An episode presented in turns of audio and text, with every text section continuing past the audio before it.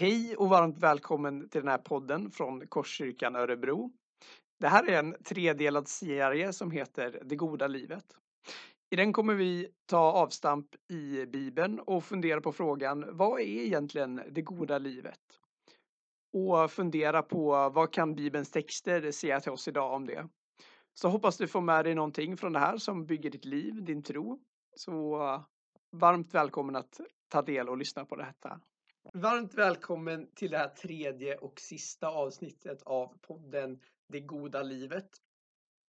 I våra tidigare avsnitt så har vi ju pratat om dels hur Gud skapar ordning i kaos och vad det innebär för oss att han inbjuder oss att bli hans medskapare och vad det innebär för oss i vår tid år 2022.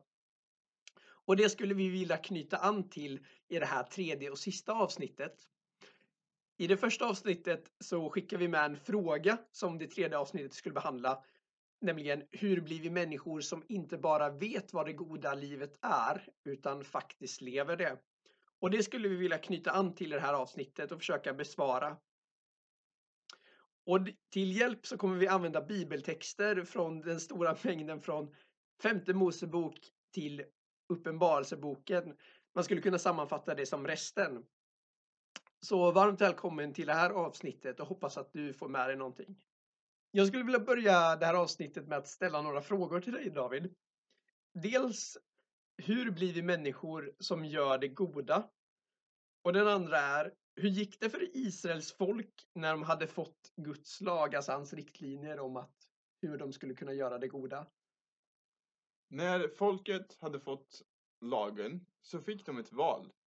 På samma sätt som Adam och Eva fick ett val i Första Mosebok. I Femte Mosebok sa Gud Se, jag ställer dig idag inför liv och lycka, eller död och olycka. Men hur kan Gud ge folket ett val mellan liv och död? Vad är det för val? Om Gud älskar folket borde han inte bara ha gett dem liv. Bibeln säger att alla människor inte får evigt liv. Och för mig har det varit det svåraste problemet med den kristna tron. För några år sedan så hade jag en konflikt med en vän. Jag ville att vi skulle reda ut konflikten så att vi kunde fortsätta vara vänner. Men trots att jag gjorde flera försök så ville hon inte prata med mig. Så till slut kunde jag inte göra mer. Jag fick respektera hennes val. Och även om det finns mycket som jag kunde ha gjort bättre gjorde jag efter bästa förmåga allt jag kunde för att hon skulle valt annorlunda. Och jag tror att Gud gör allt han kan för att vi ska välja livet. När Gud gett folket valet mellan liv och död sa han Du ska välja livet så att du och dina efterkommande får leva. Men det är fortfarande vårt val och Gud respekterar det val vi gör.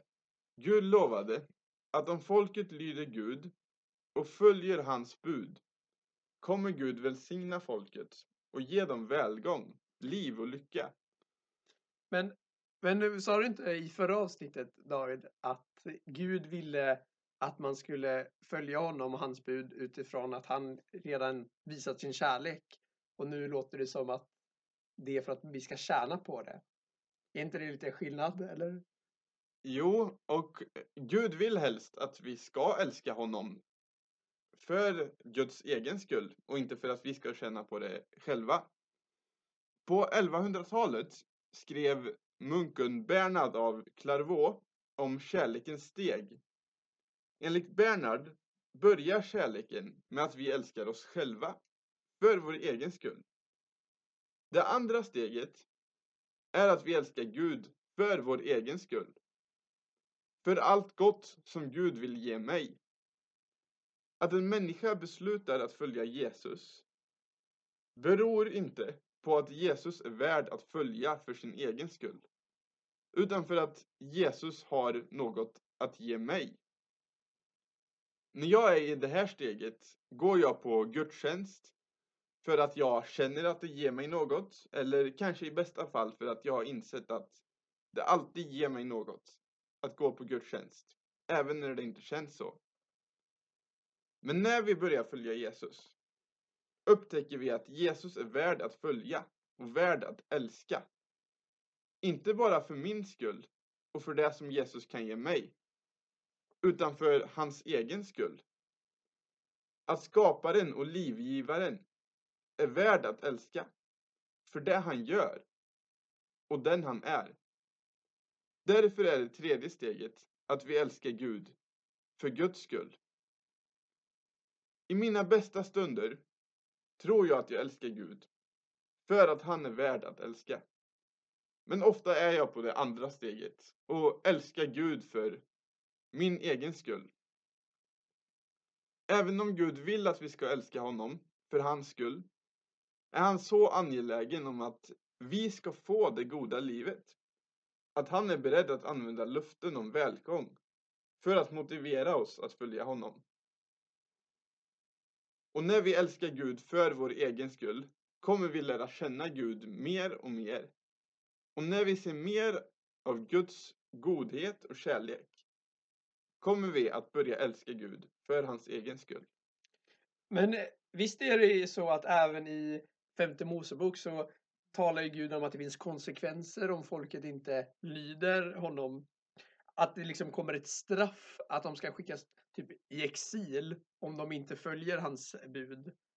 Hur, hur går det här liksom ihop med den här kärleksfulla guden? Ja, det här är svåra texter. Så här tror jag att vi återigen måste komma ihåg lärdomen från Jobb. Vi små människor kan inte förvänta oss att alltid förstå varför universums skapare gör eller inte gör något. Men jag tror också att vi behöver försöka förklara och förstå så långt det är möjligt. För det första så behöver vi förstå allvaret i folkets olydnad. Guds syfte med Israel var att rädda världen så att alla folk skulle välsignas genom Israel. Deras olydnad hindrade inte bara folket från att leva det goda livet, utan stod även i vägen för Guds räddningsplan för hela världen. För det andra behöver vi komma ihåg att ingen av oss vill att den som gör onda saker i vårt samhälle inte ska dömas och straffas för sitt brott. Straffet har flera funktioner. För det första så har det en avskräckande effekt. Att vi vet att vi kan bli straffade om vi begår brott ska få oss att följa lagen. För det andra ska det få den som har begått ett brott att inte begå brott igen. För det tredje så förtjänar den som till exempel har slagit eller till och med dödat en annan människa att få ett straff för sitt brott. Och i femte Mosebok ser vi att straffen har alla de här tre funktionerna. Men är det inte så att alla de här straffen drabbar folket kollektivt? Är inte det lite oskönt, nästan orättvist av Gud att bara på vissa människors fel ska alla få ta straffet? Det här verkar ju väldigt orättvist. Men även i vårt samhälle så drabbas oskyldiga av straff. När en förälder sätts i fängelse drabbas även barnen. Och i ett kollektivt samhälle där människor var mycket mer beroende av varandra än vad vi är, kanske det var ofrånkomligt att eh, Guds straff skulle påverka även de som inte gjort lika mycket ont. Även om jag tror att det delvis kan förklara de här texterna så räcker det inte. Och därför behöver vi lärdomen från jobb. Att vi inte kan förstå allt som Gud gör. Efter att folket fått sitt val går de in i landet Israel. Och där går det snart fel. Domarboken berättar om hur folket gör fruktansvärda saker. Och när vi läser domarboken så måste vi komma ihåg att den berättar om vad folket gjorde och att den inte säger att allt som hände var Guds vilja. Och det blir bara värre och värre. Och till slut säger folket att de vill ha en kung. Gud hade sagt att de inte skulle ha en kung. Men han låter folket få sin vilja igenom. Och trots att det inte verkar ha varit Guds plan från början blir kungahuset centralt i Guds plan för Israel och till och med för världen. Det tycker jag är väldigt uppmuntrande. För det lär oss att Gud kan använda våra fel och misstag för att göra det som är gott. Under David, Israels andra kung, upplever Israel sin bästa tid. Men till och med David misslyckas stort. Han begår äktenskapsbrott och för att dölja sitt brott ser han till att kvinnans man dör. Och efter det så går det återigen utför för Israel. Folket tillber andra gudar och de rika och mäktiga förtrycker de svaga och fattiga. Profeterna predikar att folket ska omvända sig. Men folket gör inte det. Så till slut förs de bort i exil, som Gud hade sagt. Folket hamnade återigen i fångenskap, långt bort från landet som Gud hade lovat dem. De behövde återigen en befrielse, ett uttåg.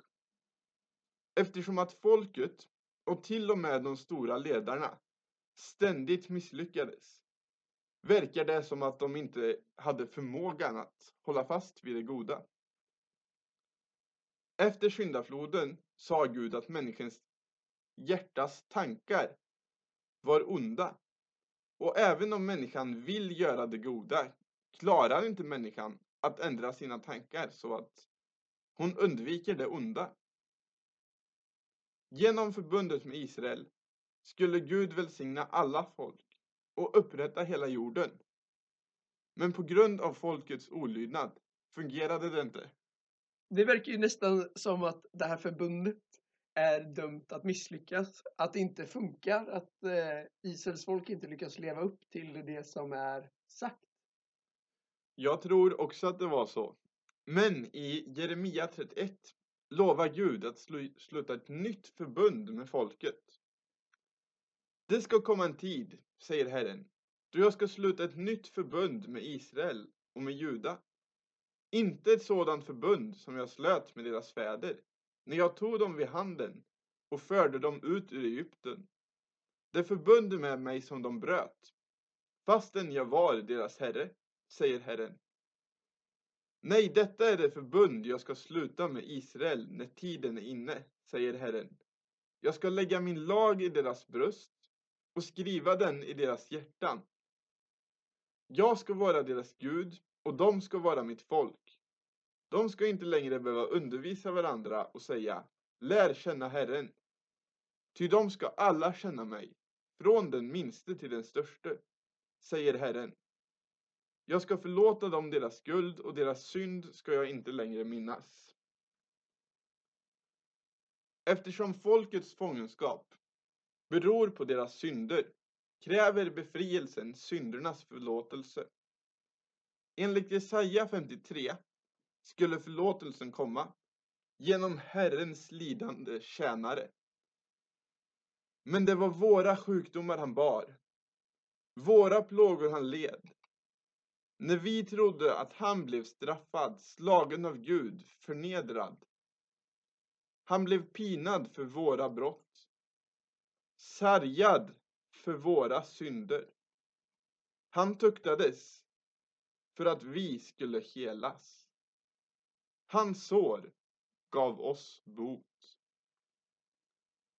Genom det nya förbundet ska Gud äntligen förändra människans hjärta och skriva sin lag i deras hjärtan så att människan kan leva det goda livet. Esekiel 36 sa Gud Jag ska ge er ett nytt hjärta och fylla er med en ny ande. Jag ska ta bort stenhjärtat ur kroppen på er och ge er ett hjärta av kött. Med min egen ande ska jag fylla er.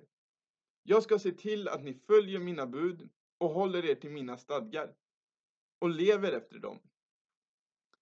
Det hebreiska ordet för ande är ruach, som också betyder vind.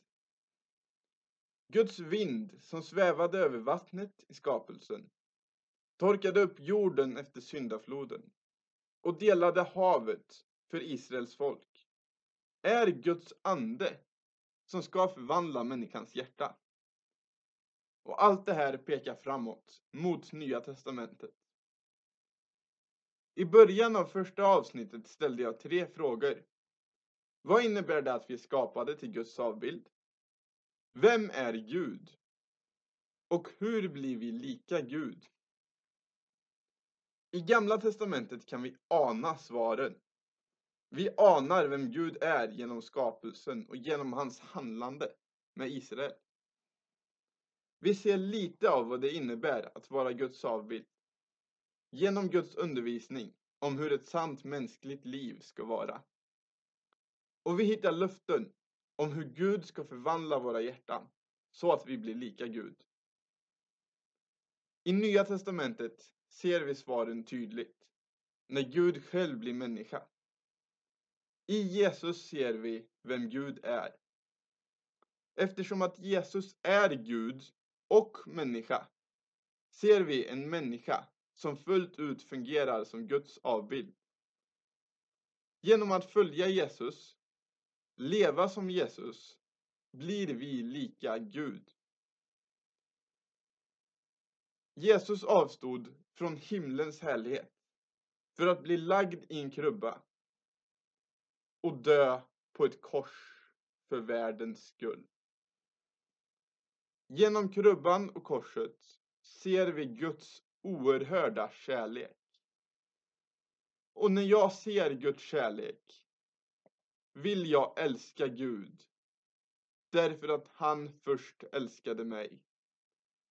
Då vill jag komma till kärlekens tredje steg där jag älskar Gud för hans egen skull och inte bara för det han kan ge mig.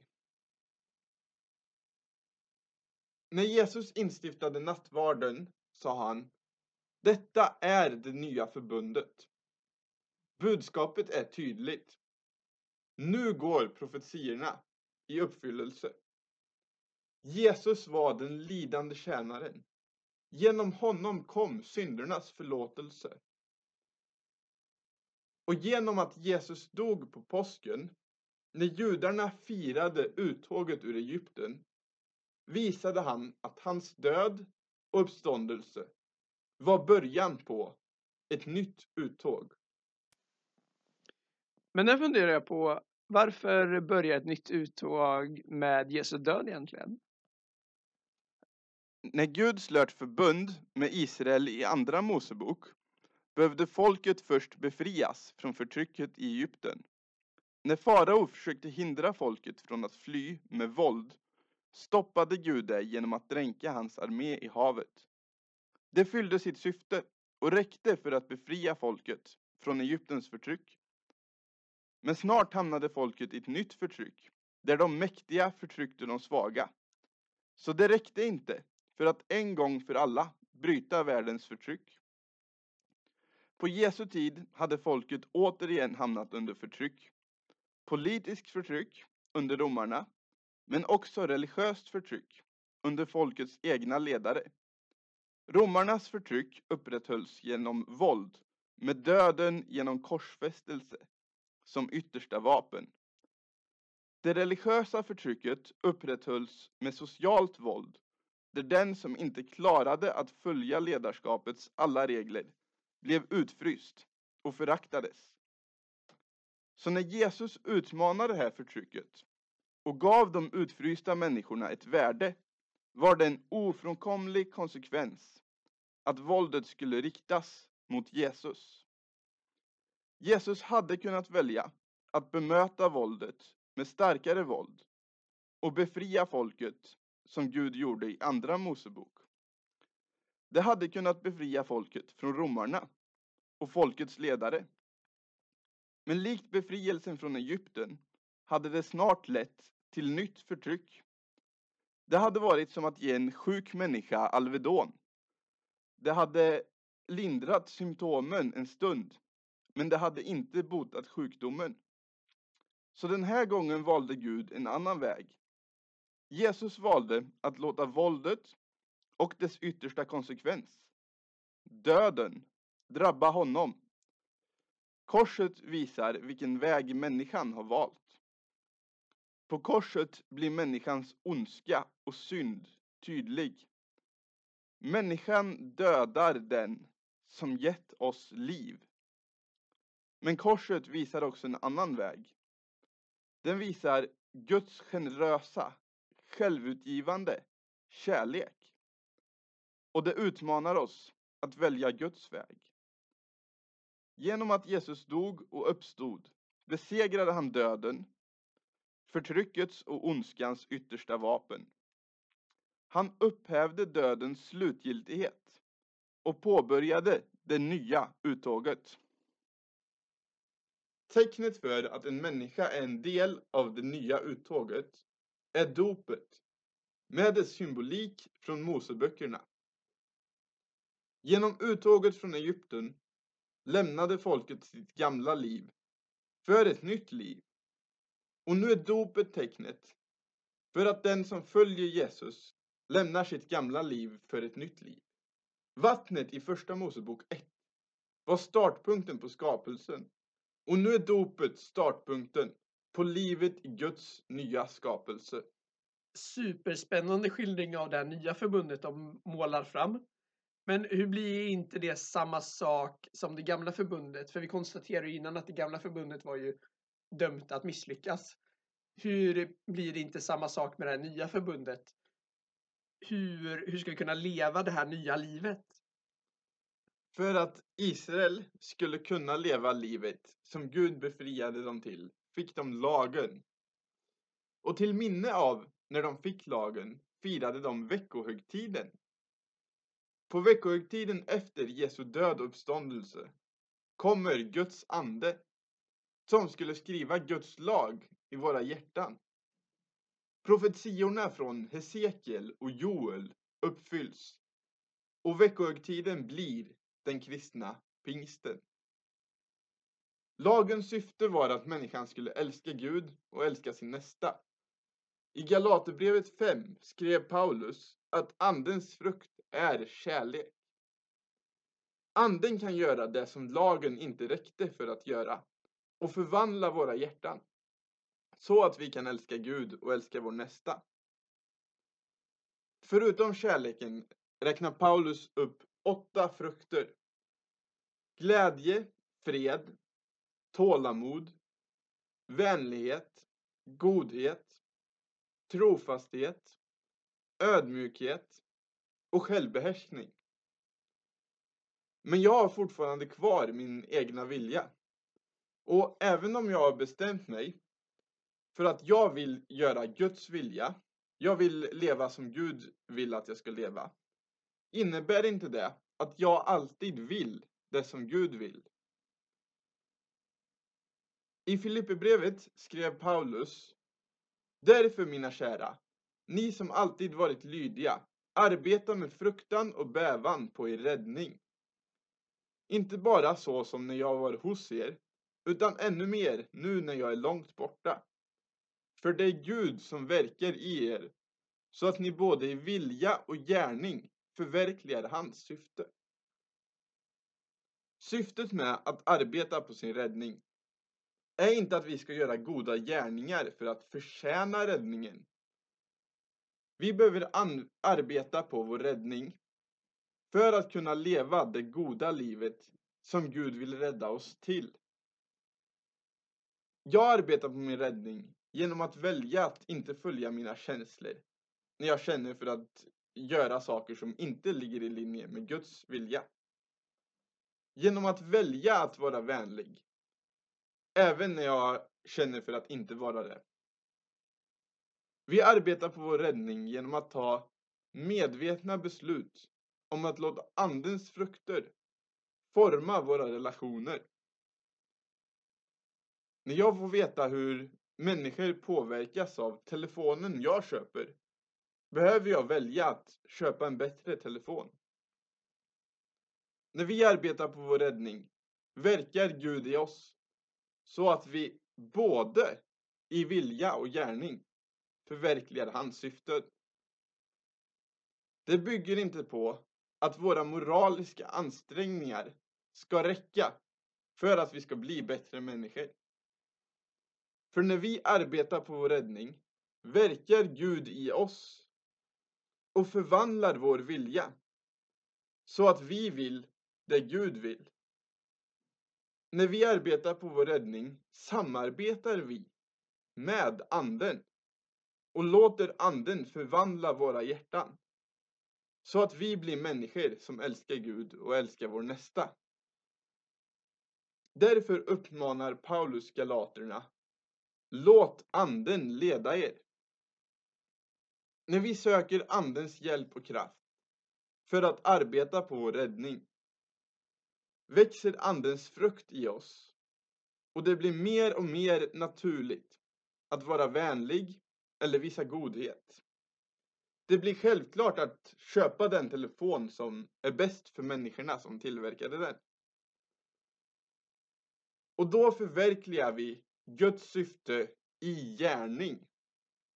Genom oss förverkligar Gud sitt syfte att upprätta jorden så att den blir som den alltid har tänkt att vara. Det här kan ju låta enkelt, men de flesta av oss som har testat det här vet ju att det är oftast kan vara ganska svårt om man misslyckas. Vad har du att säga om det, David? Ja, det är svårt. Ibland är det väldigt svårt. Och när vi arbetar på vår räddning kommer vi ibland att misslyckas. Men en dag kommer Guds syfte att helt och fullt förverkligas, både för oss och för jorden. I Uppenbarelseboken 21 fick Johannes se den här framtiden i en syn. Och jag såg en ny himmel och en ny jord. Ty den första himlen och den första jorden var borta och havet fanns inte mer. Och jag såg den heliga staden, den nya Jerusalem, komma ner ur himlen, från Gud, redo som en brud som är smyckad för sin man. Och från tronen hörde jag en stark röst som sa Se, Guds tält står bland människorna och han ska bo ibland dem och de ska vara hans folk och Gud själv ska vara hos dem. Och han ska torka alla tårar från deras ögon. Döden ska inte finnas mer och ingen sorg och ingen klagan och ingen smärta ska finnas mer. Ty det som en gång var är borta. Och han som satt på tronen sa Se, jag gör allting nytt. Och han sa, skriv, ty dessa ord är trovärdiga och sanna. Och han sa till mig, det har skett, jag är A och O, början och slutet. Jag ska låta den som törstar dricka fritt ur källan med livets vatten. Den som segrar ska vinna allt detta. Och jag ska vara hans Gud och han ska vara min son. Johannes såg ingen vision av människors själar som kom till himlen. Han såg en ny himmel och en ny jord. I andra Korintierbrevet skrev Paulus, om någon är i Kristus är han alltså en ny skapelse. Det gamla är förbi, något nytt har kommit. Och det här betyder ju inte att den som är i Kristus har blivit ersatt av en annan människa. På samma sätt så tror jag att den nya jorden kommer att vara den här jorden som har förvandlats och förnyats och äntligen blivit det som Gud hela tiden har tänkt att den ska bli. Uppenbarelseboken fortsätter.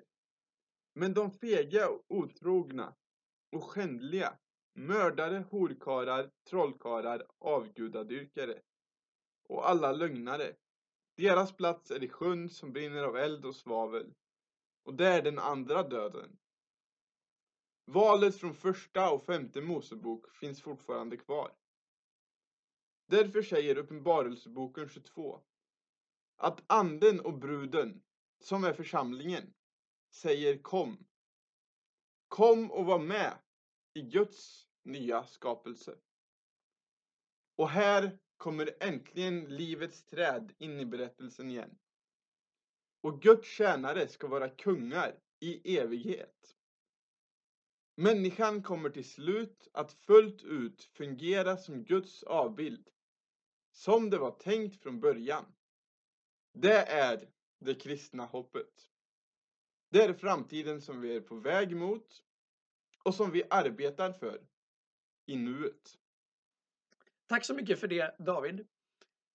Vi skulle vilja skicka med, precis som de andra avsnitten, några frågor som du skulle kunna få bearbeta antingen själv eller tillsammans med en vän på kyrkfikat eller i din hemgrupp.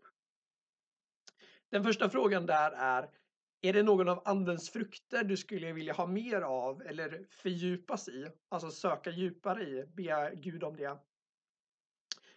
Den andra frågan är Hur kan jag söka andens kraft och hjälp i det som är din vardag, på ditt jobb, i din skola eller nu vilket sammanhang du finns?